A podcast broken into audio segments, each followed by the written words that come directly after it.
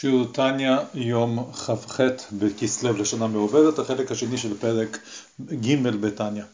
למדנו בפרק א', מקור נפש הבהמית, קליפת נוגה, בפרק ב', נפש אלוקית מהותה ומקורה, מקורה מחוכמה אליו ומהותה חלק אלוקה ממעל. בפרק ג' למדנו, את המבנ... התחלנו לראות את המבניות של ה...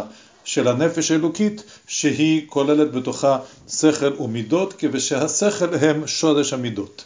הוא פירט את זה יותר, שהשכל מוליד מידות, ואנחנו מדברים על שכל ומידות של הנפש האלוקית, עניינם בטהרתן, זאת אומרת, יש נפש אלוקית איך שמתלבשת בגוף, אבל מצד הנפש האלוקית מצד עצמה בטהרתה, עניין, ההשכל, עניין החוכמה, בינה ודעת, להשכיל בהשכלות בקדוש ברוך הוא, והוליד מזה מידות אה, אה, אה, של יראה ואהבה לקדוש ברוך הוא, הוא פירט בשיעור של אתמול שהחוכמה זה הכוח של להשכיל כל דבר, והבינה מפרט את זה לפרטים, מעמיק בזה, מרחיב את הדבר, מבין את הדבר לאשורו. ואת זה הוא ממשיך עכשיו, איך, איך החוכמה ובינה מולידים אה, אה, מידות, ובסיום הפרק נראה היום בעזרת השם, איך שהדעת, מה תפקידו של הדעת, שזה חוכמה, בינה ודעת. אומר אדמות הזקן בהקשר לחוכמה ובינה. כי השכל שבנפש המשכלת, כשמתבונן ומעמיק מאוד בגדולת השם, כשהשכל שבנפש המשכלת, נפש המשכלת זה כינוי נוסף לנפש האלוקית, שהיא משכילה, כמו שאמרנו מקודם, השכל שבנפש המשכלת בתחילת העמוד, אז הנ... כשהאדם בנפש המשכלת של נפש האלוקית שלו מעמיק בגדולת אינסוף, ונותן לזה שלוש דוגמאות של העמקה בגדולת השם. דוגמה ראשונה, איך הוא ממלא כל עלמין. דוגמה שנייה, וסובב כל עלמין. דוגמה שלישית, וכולי קמי כלח אשיב.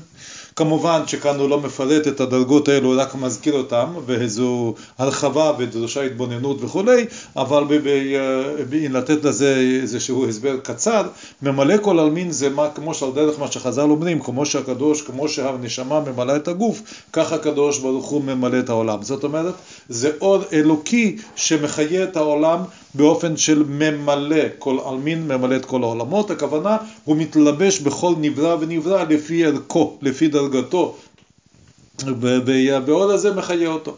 סובב כל עלמין זה אור שאנחנו במשל קוראים לזה סובב, זה לא סובב בגשמיות חלילה, שזה נמצא מחוץ, לא הכוונה שזה נמצא מחוץ, אבל זה השם המושאל, זה אור שהוא מעל דרגת העולמות, הוא לא, מת, הוא לא בא אל, אל העולמות בצורה כזו שהוא לפי ערכם, ולכן הוא מעל, הוא מעל ונקרא כאילו שהוא סובב, זאת אומרת שאין להם השגה אמיתית באור הזה. ההתבוננות הראשונה שממלא כל עלמין זה התבוננות איך שמהעולמות, בפסוקי דזמרה אנחנו מתבוננים בגדולת הבריאה שהקדוש ברוך הוא ממלא ומחיה את כל העולמות כל רגע ורגע ההתבוננות השנייה זה עוד שמעל העולמות, לדוגמה ניסים, דברים שמעל הטבע, והנקודה השלישית שהוא מזכיר כאן, וכולי קמי כלח השיב. שתי הדרגות הקודמות הן בדרגה של אור, אור שמחיה את העולם בצורה כזו או בצורה כזו, אבל זה כבר אור שיש לו שייכות אל העולם, אור שיש לו שייכות אל העולם ולכן הוא ממלא אותו או שסובב מעליו. ההתבוננות השלישית זה לא באור של העולם אלא הפוך, בו בקדוש ברוך הוא בעצמו, איך שכל העולמות לא, אין להם ערך ושום יחס לקדוש ברוך הוא. כולה קמי כלח השיב, הכל לפניו נחשב לכלום, נחשב ללא. זאת אומרת, לא כמו הדרגות הקודמות שזה אור ששייכים לעולמות ועולמות תופסים מקום אצל האור הזה, אלא זה אור, אנחנו מדברים עכשיו על בו יתברך כביכול, שכל העולמות אין להם שום חשיבות קמי.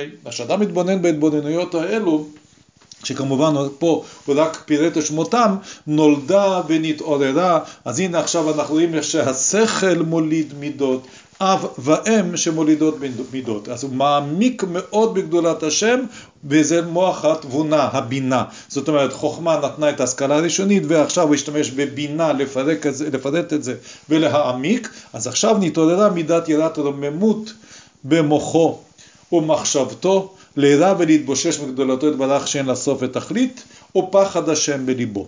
אז הנה אנחנו רואים פה מידת יראה, שהיא נולדה מההתבוננות הזו בגדולת השם, אבל יש בזה שני שלבים, ואנחנו מדברים פה ביראה במוחו, זו הדרגה הראשונה, יראת הרוממות במוחו, שהוא ירא ומתבושש מגדולתו יתברך. מה הכוונה? בדרגות של יראה יש כמה וכמה דרגות. יש אדם שירא מהעונש, שזו דרגה נמוכה ביראה. יש אדם שירא מהחטא, זאת אומרת הוא ירא מזה להתפרד מהקדוש ברוך הוא. פה אנחנו מדברים בדרגה יותר גבוהה של יראה. כמו שאמרנו, מדברים על, על הנפש האלוקית בטהרתה.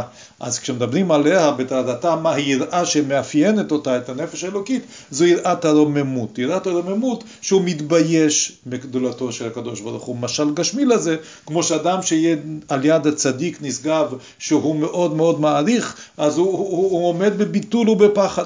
יראה זה, זה, זה, זה מידה, זה רגע של ריחוק מסוים, אז הוא כביכול מרגיש רחוק, הוא מרגיש קטן על ידו ומתבושש מגדולתו של אותו צדיק, זה משל, הנמשל כמובן אצל הקדוש ברוך הוא התבונן בגדולתו יתברך, ואז הוא מוליד במוחו יראת הרוממות, הוא, פוח, הוא ירא ממנו מגדולתו יתברך שאין הסוף ותכלית. שלב שני הוא פחד השם בליבו, יראה זה במוח, פחד זה מורגש בלב.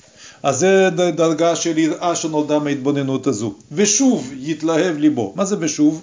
מאותה התבוננות עצמה, אז בהתחלה הוא מרגיש את מיעוט ערכו ורוצה ופוחד וירא ממנו, מתבושש מהקדוש ברוך הוא, אבל בשלב שני את אותה התבוננות מביאה אותו לאהבה, לכוסף, לבוא ולהידבק בקדוש ברוך הוא, שאותו הוא, הוא למד על גדולתו. ושוב יתלהב ליבו באהבה עזה כרשפי אש. רשפי אש, על פי פסוק בשיר השירים ושפיה הרשפי אש, אז הרשפי אש כמו גחלים, בחשקה וחפצה ותשוקה, ונפש שוקקה לגדולת אינסוף ברוך הוא. אז הדרגה הזו שהוא כוסף כמו אש לקדוש ברוך הוא, הדרגה הזו היא נקראת והיא כלות הנפש, כמו שהנפש היא רוצה לצאת מהגוף וכלות הנפש, כמו שאנחנו קוראים אה, אה, אה, במפרשים על, על הנדב ואביהו בהקריבה מאש זרה, הכלות הנפש הזו לצאת מהגוף מרוב כיסופי לקדוש ברוך הוא, כדכתיב נחשפה וגם קלטה נפשי וגומר, אז הנה כיליון של הנפש היא רוצה מרוב כיסופין, וכתיב צמאה נפשי לאלוקים וגומר, וכתיב צמאה לך נפשי וגומר, שלושת הפסוקים האלו מראים על הצמאון של הנפש האלוקית כמו אש. והצמאון הוא מיסוד האש שבנפש האלוקית. כשם שלמדנו לעיל שכל דבר גשמי יש לו ארבעה יסודות, אש רוח מים עפר, למדנו שגם הדברים הרוחניים, בפרק א' למדנו על יסוד האש של הנפש הבהמית, שזה המידות הרעות שלה, שהיא גאווה וכעס, אז, אבל גם לנפש האלוקית יש ארבעה יסודות הרוחניים שלה.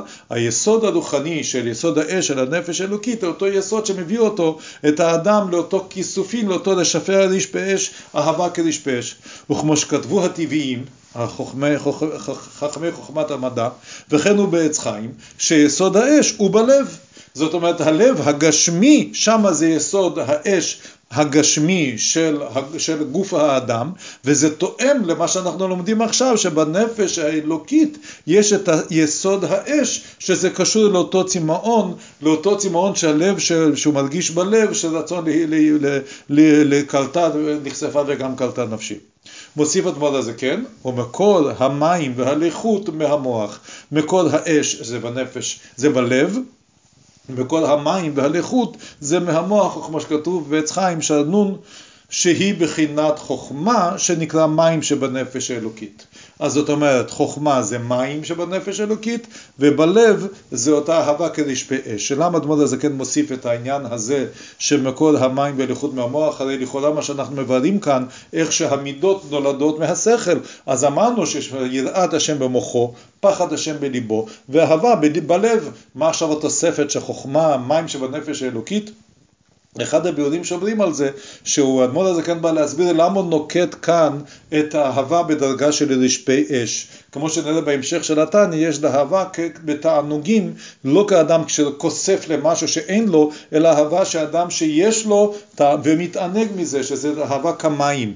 אז אה, בא אדמו"ר הזה כן להדגיש שהדרגה הזו, אני לא מדבר על אותה, כיוון שהיא דרגה של מוח, של חוכמה. אני מדבר עכשיו על הדרגה של מידות שנוצרות בלב, כמו שראינו פחד השם בליבו, ואהבה בלב, אהבה בלב זה אהבה כרשפי אש, שזה עניין של אש.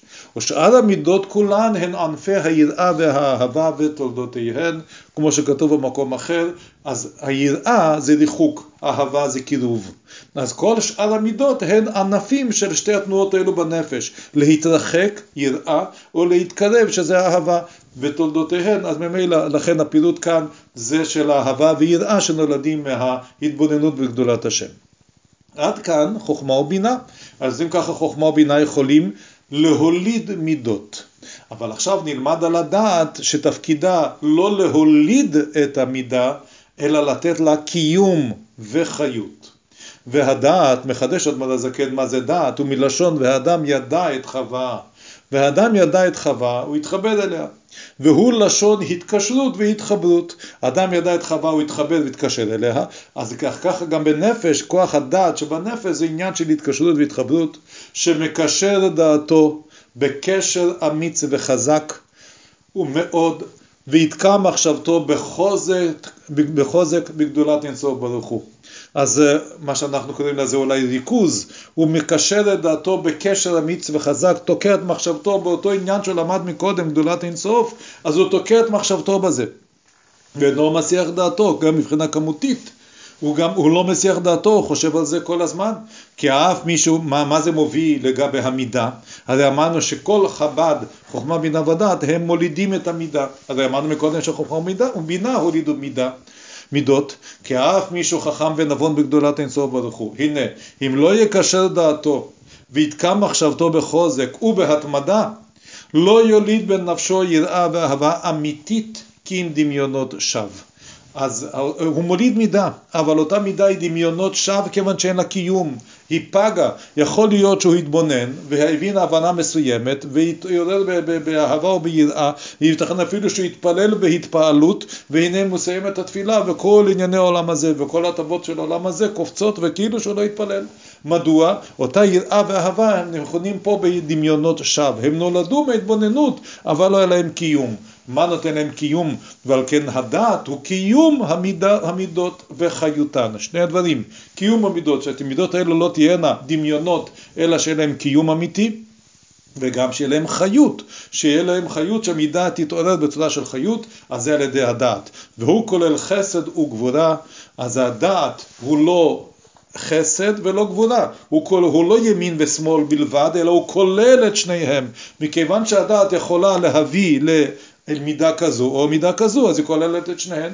פירוש, מה זה כולל חסד וגבולה? אהבה וענפיה ויראה וענפיה, אז הדעת כוללת למעשה את כל המידות, כוללת גם את המידות של קירוב וגם את המידות של ריחוק, גם אהבה וענפיה ויראה וענפיה, אז לכן הבנו בפרק הזה שהנפש מורכבת משכל ומידות, והשכל מוליד את המידות, כמו שראינו בהרחבה, חוכמה, בינה ודעת שמולידים מידות, ואז ממילא יש עשר כוחות בנפש, שכל ומידות, עד כאן שותן אל היום.